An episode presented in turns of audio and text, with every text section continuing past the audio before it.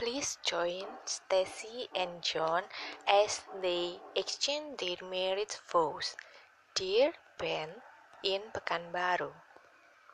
The most beautiful girl that I have ever seen. Deru mesin motor 200cc dan 250cc memenuhi jalanan menuju Danau Maninjau yang berjarak 4 jam dari kota Pekanbaru. Gue dan geng gue melakukan touring, entah untuk yang keberapa kalinya. Bagi gue sudah tak terhitung lagi. Kali ini kami menjelajah kota Pekanbaru dan sekitar. Dua hari yang lalu, delapan sepeda motor tiba di Hotel Ibis, tempat gue dan teman-teman menginap. Sehari sebelumnya, kami telah mengelilingi kota Pekanbari, Pekanbaru sekaligus mencicipi beberapa makanan khas kota ini. Semalam, kami mencoba menu sate ikan senapelan, sate dari daging ikan patin. Yang membuat unik sate ini, selain rasanya yang gurih, sebelumnya daging ikan patin ini digulai digulai terlebih dahulu, baru kemudian dibakar. Karena lidah gue cocok, gue nambah sampai dua porsi. Untuk minuman, gue mencoba jus maharani. Jus mangga kueni beraroma manis menyengat yang dicampur dengan yogurt, susu segar, dan air gula. Empat teman gue memesan menu yang sama dengan gue, dan yang lain memesan roti jala yang disantap dengan kari ayam. Joe, betul lewat sini. Teriak gue setelah menjajari Jojo. Jojo menoleh dan mengangguk. Gue tadi tanya petugas bensin, di depan kita nanti ada jalanan menuju menurun tajam dan berbelok-belok jaraknya sekitar 10 km. Namanya Kelok 44. Gue mengangguk, kembali memusatkan mata gue ke jalanan di depan. Touring merupakan hobi gue. Mungkin bisa dikatakan dunia gue. Sejak kuliah, gue tahu jiwa petualangan bisa tersalurkan setelah melihat tayangan infotainment tentang touring Harley Davidson yang dilakukan oleh para artis. Saat itu juga gue menetapkan untuk mengikuti. Keesokan harinya saat gue kumpul dengan anggota geng gue dan menyampaikan keinginan untuk membuat grup touring sendiri, empat orang teman gue menyambut antusias. Dari lima orang akhirnya berkembang menjadi delapan orang dan saat ini seluruh pulau Jawa telah kami jelajahi. Setelah menuruni kelok 44 dengan pemandangan eksotik berupa danau maninjau dari ketinggian, kami sampai di tujuan. Kami menuju sebuah gubuk sederhana yang menjual minuman, mie instan, dan makanan kecil untuk beristirahat dan mencari informasi. Gubuk ini terletak di pinggir jalan, menghadap ke danau maninjau. Dari teman gue berdiri, danau itu terlihat berwarna biru dengan semburat hijau di beberapa tempat. Gue memesan teh botol dingin lalu menyandarkan menyandar di tiang kayu gubuk sambil menikmati keindahan danau dan sekitar. Samar-samar gue mendengar kicauan beberapa burung liar. Kicauan yang belum pernah gue dengar sebelumnya. Meskipun aneh, tetapi terasa menyatu dengan alam. Setelah 15 menit beristirahat, kami kembali berkendara menuju deretan hotel, losmen, dan rumah makan. Sesuai informasi dari penjual di gubuk, kami menuju sebuah losmen yang letaknya berbatasan dengan Danau Maninjau. Kami tidak bermaksud untuk menginap di sini. Tujuan kami hanya untuk menikmati danau itu dari dekat. Melalui jalan setapak di belakang losmen, kami menemukan sebuah karamba besar, dibangun dari sekumpulan kayu yang diikat pada besi dengan tong sebagai pengapungnya yang difungsikan untuk beternak ikan. Gue dan teman-teman melangkah bergiliran, meniti jembatan kayu darurat menuju Karamba yang saat itu kosong. Semenit berikutnya, kami telah berpencar, berdiri dengan jarak berdiri dengan jarak tertentu memenuhi keempat sisi keramba. Kami saling menggoda dengan cara menggoyang-goyangkan keramba itu. Ben, sinting lo, gue bisa jatuh. Gue terbahak mendengar teriakan Aldo.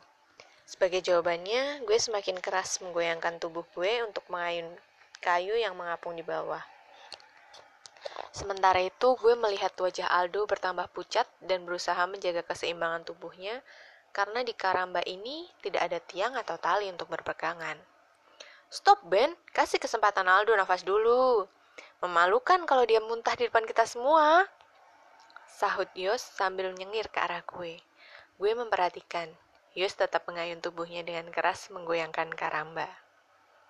Setelah puas bermain layaknya anak-anak, beberapa teman gue kembali naik ke daratan. Gue tetap bergeming, menyapukan pandangan ke sekeliling, dan mendapati karamba lain mengapung di beberapa lokasi. Siang ini, pantulan sinar matahari di air danau layaknya serpihan kaca retak yang bergerak-gerak. Semakin mempercantik Danau Maninjau dengan luas hampir 100 km yang dikelilingi oleh bukit-bukit yang membentuk dinding.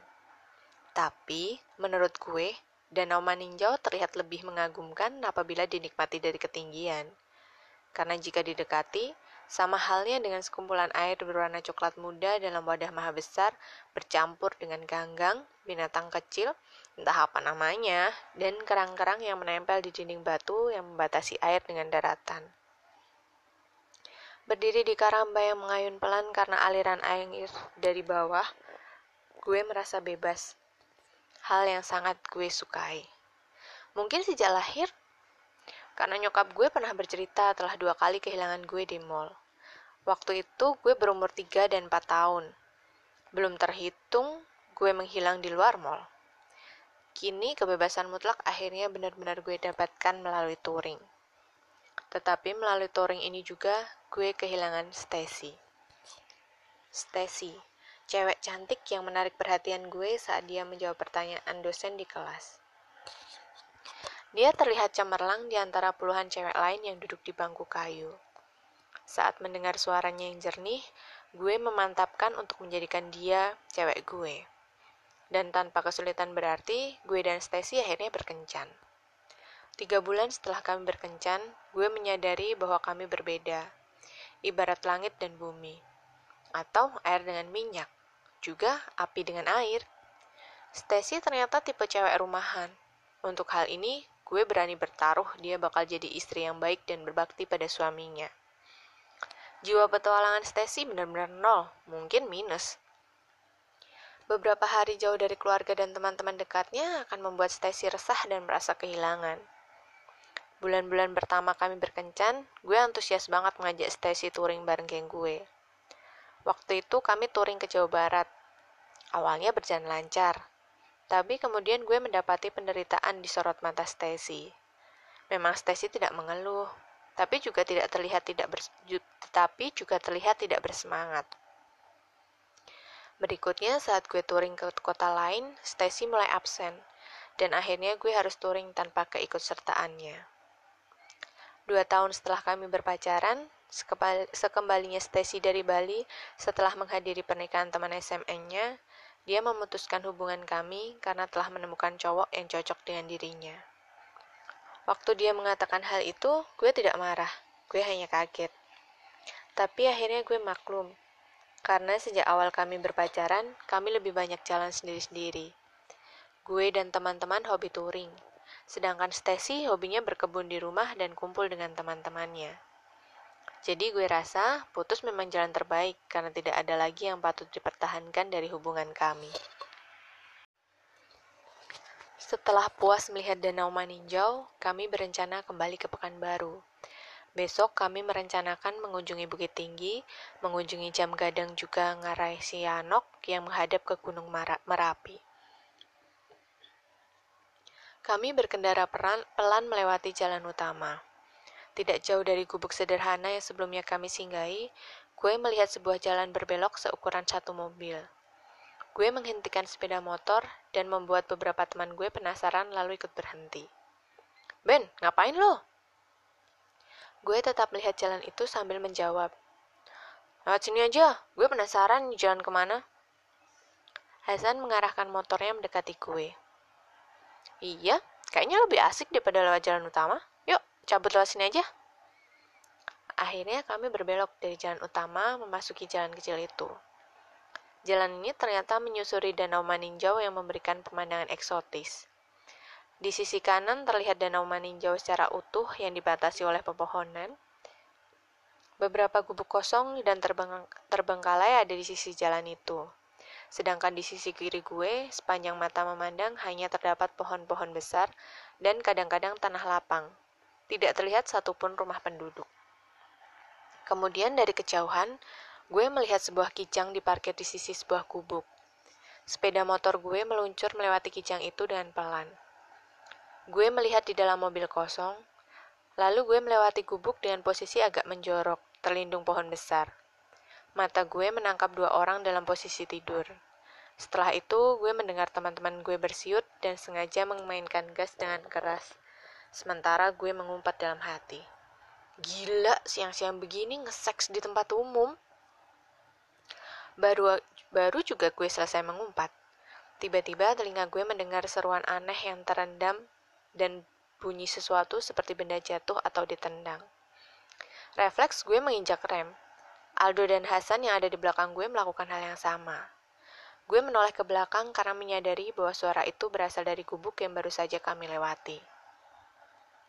Gue bertukar pandang dengan teman-teman gue. Lalu gue mendengar suara itu lagi.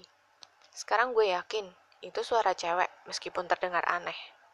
Belum sempat otak gue berpikir, gue telah memutar sepeda motor dan mengarahkan kembali ke gubuk. Apa yang gue lihat membuat darah gue mendidih.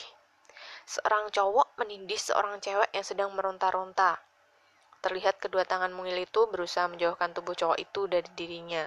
Sementara tangan cowok itu tetap berusaha melepas celana panjang si cewek. Eh, seru gue. Berhenti! Dari ekor mata, gue melihat sepeda motor teman-teman gue bergerak mendekat. Gue menautkan alis dan menggeram saat cowok itu tidak menggubris seruan gue. Entahlah, sebenarnya cowok itu tidak menggubris atau tepatnya tidak mendengar teriakan gue karena indranya telah ditutupi oleh nafsunya. Gue meninggalkan sepeda motor dengan mesin menyala dan bergegas menghampiri gubuk itu. Lalu dengan kuat tangan gue menyentakkan kaos cowok itu. Sejenak cowok itu terlihat bingung dan terkejut. Sebelum menyadari apa yang telah terjadi, bau kementah gue telah mendarat di rahangnya, membuatnya tersungkur, jatuh di depan sepeda motor gue dan teman-teman gue. Apa-apaan ini? Seru cowok itu marah. Gue maju selangkah ke arahnya, membuat cowok yang terkapar itu menggeser tubuhnya mundur. Lo yang apa-apaan? Balas gue. Lalu gue menoleh dan mendapati cowok cewek itu telah duduk meringkuk ketakutan di sudut gubuk. Lo mau ngapain nih cewek? Tangan gue menunjuk ke belakang. Dia pacar saya. Mata cowok itu menatap gue, mencoba menantang, tetapi terlihat sorot ketakutan di sana.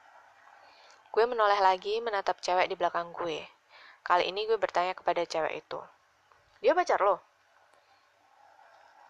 Mata cewek itu berkedip, berkedip cepat mendengar pertanyaan gue. Setelah itu, mulutnya membuka lalu menutup, tetapi tidak mengeluarkan suara. Sil, ayo mengangguk. Gue bergeser saat mendengar cowok itu berseru. Sementara mata gue tetap terarah ke cewek di depan gue. Wajah cewek itu terlihat ketakutan sekaligus bimbang. Matanya silih berganti menatap gue dan cowok yang terkapar. Tetapi tetap tidak ada suara, anggukan, atau gelengan yang diberikan oleh cewek itu. Justru cewek itu akhirnya menundukkan wajahnya di antara kedua lutut dan terlihat mulai menangis. Prinsil! Seru cowok itu lagi. Gue menoleh ke teman-teman gue saling bertukar pandang. Terlihat beberapa teman gue mengangkat bahu. Hasan dan Gilang menatap gue sambil nyengir lebar. Hajar aja, Ben, ciletuk Hasan. Seenaknya aja mau perkosa anak orang. Ngapain dihajar? Dikebiri lebih baik, mumpung sepi gak ada orang. Atau kita sodomi rame-rame? Celetuk teman-teman gue yang sebetulnya hanya menggoda. Ternyata membuat cowok di depan gue ketakutan. Gue menatap cowok itu, berdebat dengan diri gue sendiri. Mau tidak mau, gue harus mengantisipasi keadaan. Bagaimana kalau gue dan teman-teman gue pergi lalu cowok ini kembali melanjutkan niat cabulnya? Akhirnya gue memutuskan untuk mengusir cowok ini. Lalu ber, gue berkata dengan tajam, sekarang lo pergi dari sini. Mata cowok itu terbelalak. Dia berdiri sambil memegangi celana panjangnya yang melorot. Setelah itu tergesa-gesa menaikkan resleting celananya. Saat cowok itu beranjak mendekati gubuk, gue melihat cowok itu terkesiap dan matanya terbelalak marah menatap ke arah cowok itu. Eh, ngapain lo ke situ? Arti gue. Pergi dari sini. Tapi Tapi apa? Pergi sana. Setelah itu, gue mendapati kijang itu berjalan menjauh. Sementara cewek itu bergantian menatap gue. Sementara kijang itu menjauh, Rona cewek itu terlihat panik dan dari bibirnya mengeluarkan erangan aneh. Gue sadar, sudah pasti cewek ini ketakutan. Sebelumnya hampir diperkosa oleh seorang cowok dan kini di depannya berdiri delapan cowok asing. Siapa yang tidak ketakutan? Tapi gue tidak mau membiarkan cewek ini pergi dengan cowok bejat itu. Terserah hubungan mereka apa, yang pasti gue masih punya nurani untuk menyelamatkan. Aldo dan Jojo kini berdiri di sebelah gue. Ben, lu mau ngapain dia? Aldo bertanya dengan suara rendah. Wah, Ben, lu cari penyakit aja. Saat Jojo sambil meringis.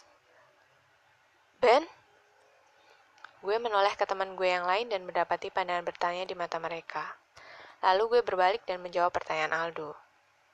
Gue mau antar dia pulang. Aldo menatap dengan alis terangkat. Ben, lo perhatiin penampilan cewek itu dong. Bajunya aja robek. Lo bisa dipaksa kawin karena dianggap merusak itu cewek. Gue meringis lebar mendengar komentar Aldo. Yang ada dalam pikiran gue adalah cewek ini memang harus diantar pulang. Mungkin dia terbebas dari cewek brengsek itu. Tapi di tempat sepi seperti ini, tidak ada kendaraan umur yang, umum yang lewat. Mungkin dia akan jadi santapan cowok cabul lain. Lalu gue mendekati cewek itu.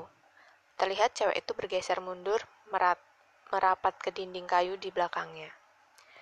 Tangan kanannya mencengkeram bagian depan blus, dan tangan kirinya menarik celana panjangnya yang telah terbuka. Pemandangan miris dan mengenaskan di mata gue. Jangan takut. Gue berbicara dengan nada lembut. Kami ini orang baik. Cewek itu bergeming. Menatap gue tetap dengan sorot ketakutan dan suara lirih aneh keluar dari bibirnya. Siapa nama lo? Gue antar pulang ya. Mata cewek itu mengawasi wajah gue, tetapi tetap bergeming. Rumah lo deket sini? Tanya gue lagi. Cewek itu akhirnya menggelengkan kepala. Tanpa sadar, gue menghela nafas lega karena akhirnya cewek ini mau berinteraksi dengan gue. Di mana? Di Pekanbaru. Cewek itu mengangguk pelan. Oh, ternyata dia seperti gue yang melancong ke danau maninjau dan mungkin bener, memang benar si cowok brengsek itu ta tadi pacarnya. Kembali dada gue memanas mengingat perbuatan cowok itu. Nama lu siapa? Kini gue duduk di pinggir gubuk, tidak terlalu dekat dan tidak terlalu jauh. Gue mendapati cewek itu menarik kaki lebih rapat ke tubuhnya. Nama lo Prinsil. Tiba-tiba Hasan menyeletuk. Kami cowok baik-baik kok. Setelah itu Hasan meringis lebar.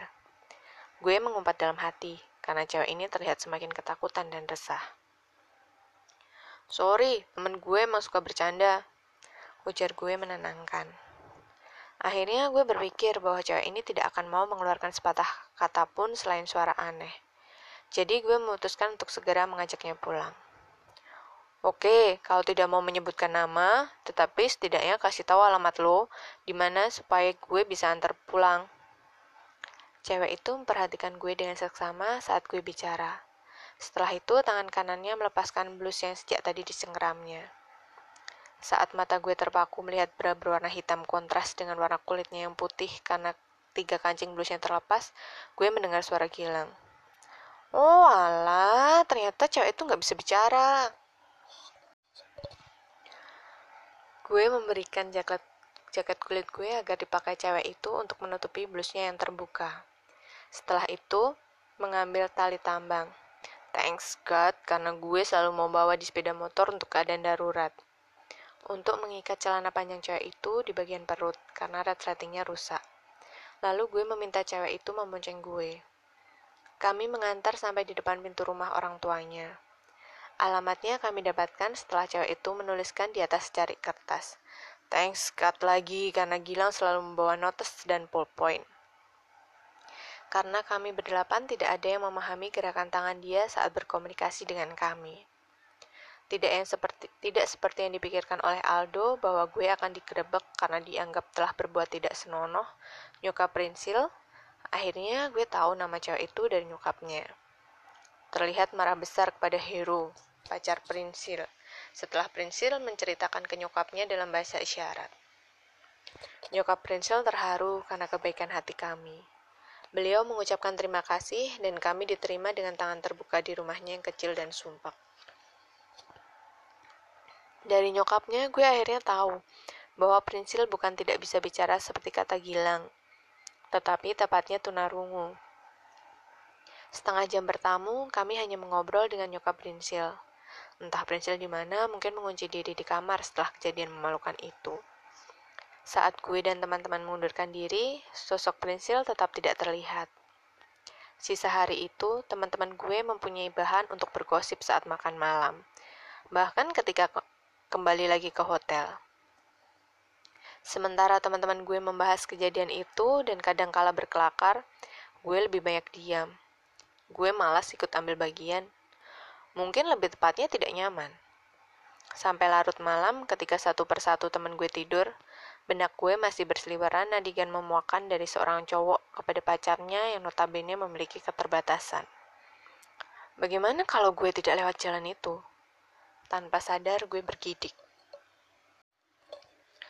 Keesokan harinya, gue dan teman-teman melanjutkan petualangan kami menuju Bukit Tinggi, mengunjungi Jam Gadang, lalu melewati rumah pengasingan Presiden Soekarno, dan akhirnya menjelajah Ngarai Sianok. Ngarai Sianok adalah lembah curam yang memanjang dan berkelok. Sebagian membentuk dinding tegak lurus dan sebagian lagi ditumbuhi tanaman sehingga berwarna hijau. Ngarai Sianok ini dialiri oleh Sungai Sianok. Di tempat itu, gue dan teman-teman mendapati monyet ekor panjang yang gesit dan terkenal nakal. Kami juga menjelajah gua Jepang sepanjang lebih dari 1400 meter yang terletak di tengah taman panorama di Ngarai Sianok. Ruang-ruang di gua Jepang ini dulunya dipergunakan sebagai rumah sakit, tempat penyimpanan makanan dan persenjataan, bahkan penjara. Meskipun berbekal denah, beberapa kali gue dan teman-teman salah arah dan kembali lagi di tempat semula. Dengan penerangan minim, hawa pengap, suasana, suasana sepi, dan letaknya di bawah permukaan tanah, gua ini tempat sempat membuat bulu kuduk gue meremang. Akhirnya, selama delapan hari, touring kami di Pekanbaru dan, dan sekitar selesai. Gue dan teman-teman berencana untuk kembali ke Jakarta dengan pesawat setelah proses pengiriman 8 sepeda motor kami beres. Sehari sebelum rencana kepulangan kami, berdalih akan mencari angin segar setelah makan malam, gue memisahkan diri dan berkendara menuju tempat tinggal Prinsil. Entah mengapa, sosok Prinsil selama beberapa hari ini mengusik hati gue. Jadi menurut gue, sebelum kembali ke Jakarta, tidak ada salahnya gue mampir, memastikan cewek itu baik-baik saja, atau setidaknya gue berpamitan dengan nyokapnya yang baik hati. Jam 8 malam saat gue mengetuk pintu rumah itu dan dibukakan oleh Prinsil sendiri. Beberapa detik gue terpana. Cewek yang berdiri di depan gue ini sangat berbeda dengan cewek yang gue tolong beberapa hari lalu. Rambutnya tidak lagi berantakan, tetapi diikat rapi dengan karet gelang. Senyumnya mengembang kiku, bukan lagi gemetar karena ketakutan. Wajahnya cantik dan bersemu malu, tidak lagi berurai air mata serta ketakutan. Prinsil memakai celana pendek dengan kaos oblong, berdiri malu-malu menatap gue. Sil, siapa tamunya? Bertepatan dengan itu, nyokap Prinsil keluar dari arah dalam.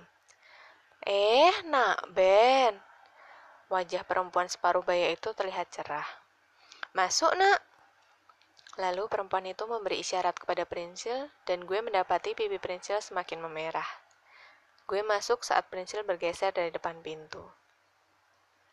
Sepuluh menit awal, gue beramah tamah dengan nyonyap, nyokap Prinsil.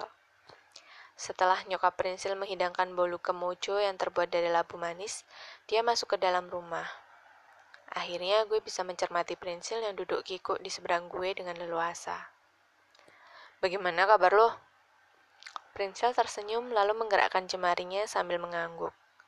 Aku mengartikan itu sebagai kabar baik karena melihat sorot matanya berkilat-kilat. Hmm, sorry kalau gue lancang, ujar gue. Tapi, lo jangan pacaran lagi dengan cowok itu ya. Wajah Prinsil kontan memerah. Oke, desak gue. Heran, kenapa gue jadi bawel hanya untuk memastikan Prinsil berpisah dengan cowok brengsek itu? Prinsil mengangguk pelat. Besok gue dan teman-teman balik ke Jakarta.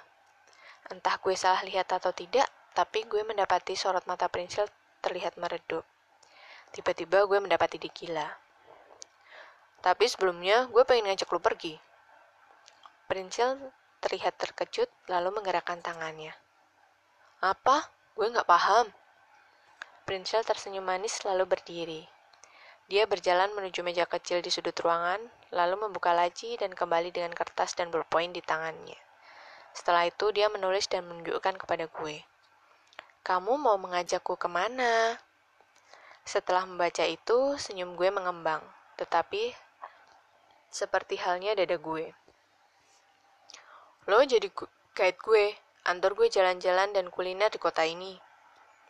Prinsel terlihat ragu lalu mengangguk setuju sambil tersenyum malu. Tenang, lo bakal terhindar dari teman-teman gue yang usil. Kita hanya jalan berdua. Gue menambahkan lagi untuk mematahkan keraguannya jika dia malu bertemu kembali dengan teman-teman. Wajah Prinsel kini merona. Tapi gue mendapati dia mengangguk. Setelah itu, gue berpamitan setelah berjanji akan kembali lagi keesokan harinya.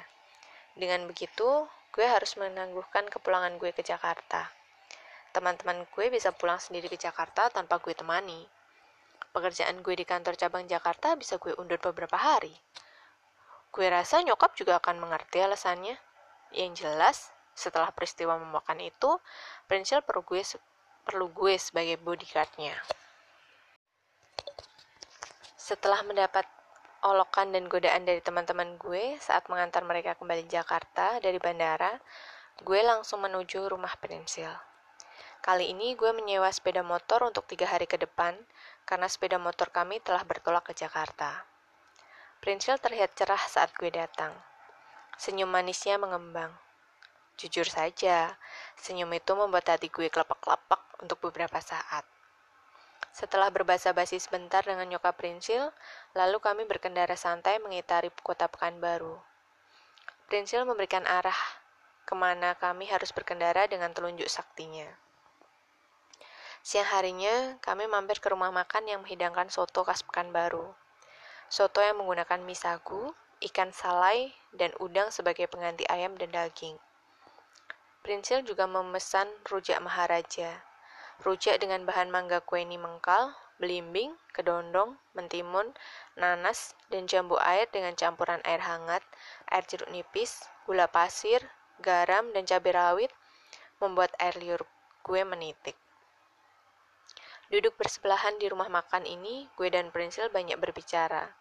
Tepatnya gue yang berbicara dan Prinsil menjawab gerak-gerik, membaca gerak-gerik bibir gue.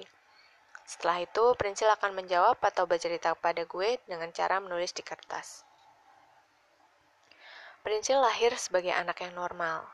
Saat usianya menginjak tiga tahun, dia mengalami demam hebat dan harus dirawat di rumah sakit karena terkena virus. Dokter memberikan antibiotik dan diketahui kemudian memberikan efek yang mengerikan. Pendengaran Prinsil lama-kelamaan tidak lagi jelas dan akhirnya hanya kesunyian yang didengar oleh Prinsil. Karena tidak pernah mendengar apa pun, begitu juga suaranya sendiri, akhirnya Prinsil berhenti berbicara, meskipun keluarganya memaksa. Sejujurnya, Prinsil juga tidak pede dengan suara yang dikeluarkan oleh mulutnya, tetapi yang tidak pernah didengarnya. Tiga hari berturut-turut, gue selalu bertamu di rumah Prinsil, lalu mengajak gadis itu berboncengan di belakang gue. Merasakan kehangatan tangan itu di pinggang gue ketika gue meraih salah satu tangannya untuk memeluk gue. Mengenal betapa dalam keheningan, gue justru bisa merasakan kehangatan dan kebahagiaan. Tiga hari telah berlalu. Saat gue hendak kembali ke Jakarta, gue menyodorkan sebuah gadget kepada Prinsil yang segera ditolaknya mentah-mentah. Gue memaksa dia untuk tetap menerimanya dengan alasan supaya gue mudah berkomunikasi dengannya melalui WhatsApp. Meskipun jarak Jakarta dan Pekanbaru terbentang, setiap hari gue dan Princess selalu berkomunikasi. Semakin gue mengenal sosok gadis ini, semakin gue mendapati hati gue terpikat. Prinsil jelas berbeda dengan Stacy. Dan anehnya, hati gue juga merespon Prinsil secara berbeda. Gue sendiri tidak tahu alasan apa yang membuat gue terpikat kepada Prinsil. Apakah karena Prinsil terlihat rapuh sehingga menggedor hati nurani gue untuk melindunginya? Selama ini gue selalu berhubungan dengan perempuan mandiri dan kuat. Nyokap gue yang lebih bahagia dan sukses setelah bercerai, bercerai dengan bokap. Adik gue, Nita, si tomboy yang telah mematahkan hati banyak cowok. Bahkan Stacy, mantan pacar gue sendiri, juga terbilang mandiri dan berani ber berani meskipun jiwa petualangannya nol.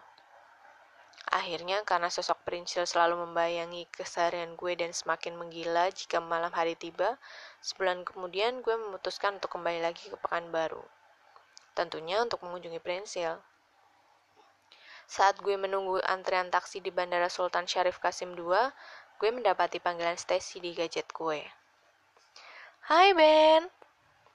Halo Stacy, gimana kabar lo say? Gue mendengar Stacy terkikik. Luar biasa Ben. Wow, seru gue. Pasti karena John ya. Kali ini Stacy tertawa. Gue nyengit lebar. John selalu bisa bikin gue patah hati. Stacy tertawa. Stop, aku bisa mati ketawa setiap kali menelponmu. Oke, say, kali ini serius. Tumben telepon gue, mau merit ya? Kok kamu tahu sih, Ben? Gue kembali nyengir lebar dan bermaksud menggoda Stacy. Gue selalu tahu lo, say. Sejak kita pacaran, yang ada di otak lo cuma ingin memenjarakan pacar lo di rumah sebagai suami. Gue kasihan sama John. Dasar! Pakai Stacy di seberang sana. Awas ya! Gue tertawa keras. Sebenarnya lo pengen gue datang di pernikahan lo apa enggak sih? Kok pakai ngancem segala? Oke, ancaman gue cabut. Asal kamu datang. Kamu sekarang di mana, Ben? Gue baru aja mendarat di Pekanbaru. Wow, itu sungguh amat sangat mengherankan sekali untuk seorang Ben. Gue mendengar nada mengolok dari Stacy. Kalau nggak salah, sebulan yang lalu kamu touring ke sana kan? Kok balik lagi? Wah, jangan-jangan kepala cewek pekan baru nih. Gue tertawa terbahak. Tiba-tiba gue berpikir, alangkah senangnya jika gue bisa datang bersama Prinsil ke pesta pernikahan Stacy. Tepat sekali. Semoga gue bisa ngajak Prinsil datang ke pernikahan lu nanti ya. Bulan apa, say? Tanggal 29 Desember. Janji ya, kamu dan cewekmu harus datang. Pasti. Beberapa saat kami masih berbincang dan akhirnya Stacy memutuskan hubungan telepon dengan segudang ancaman agar gue datang di pesta pernikahannya nanti. Gue menyandarkan punggung di jok taksi yang membawa gue ke rumah Prinsil. Seperti janji gue kepada Stacy, gue memang datang ke Pekanbaru hari ini untuk mengutarakan isi hati gue kepada Prinsil. Gue cinta lo, Prinsil. Setelah mengucapkan kata-kata itu, gue melihat darah di wajah Prinsil seolah-olah tersedot habis. Prinsil menatap gue sesaat dengan mata indahnya yang terbelalak. Selanjutnya menunduk dalam. Gue bingung, jujur bingung setengah mati. Bukan reaksi ini yang gue ingin lihat dari Prinsil. Gue ingin melihat seperti Nurul, pacar gue waktu SMA, menjerit lalu melompat ke pelukan gue atau seperti Sarah menangis gembira, juga seperti Stacy menatap ke arah gue dengan mata berbinar lalu mengangguk dan mengatakan, "Yes." Gue mengusap lembut lengan Prinsil, memberi isyarat agar melihat ke arah gue. Saat Prinsil mendongak, gue mendapati matanya suram. Prinsil, lu cinta gue kan?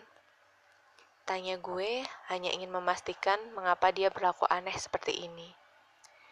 Sejenak Prinsil gelagapan membaca gerak pikir gue. Lalu perlahan kepalanya mengangguk. Lalu kenapa? Gue pengen kita pacaran. Apa karena jarak kota? Prinsil menatap gue lama lalu menggeleng. Lalu kenapa? Tuntut gue tidak sabar. Gue merasa gerah melihat gelagat dia menolak. Karena gue tahu Prinsil juga cinta. Tapi entah karena apa dia tetap menahan diri.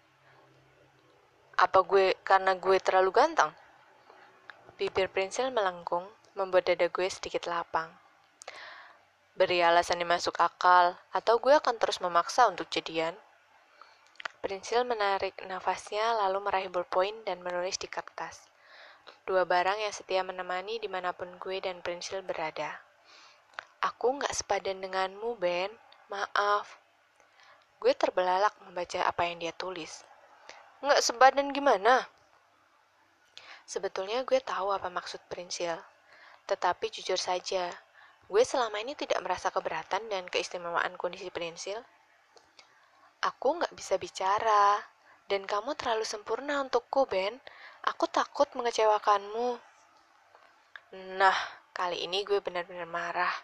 Gue tidak lagi peduli kalau gue dan Prinsil duduk di ruang tamu nyok ruang tamu rumah nyokap Prinsil.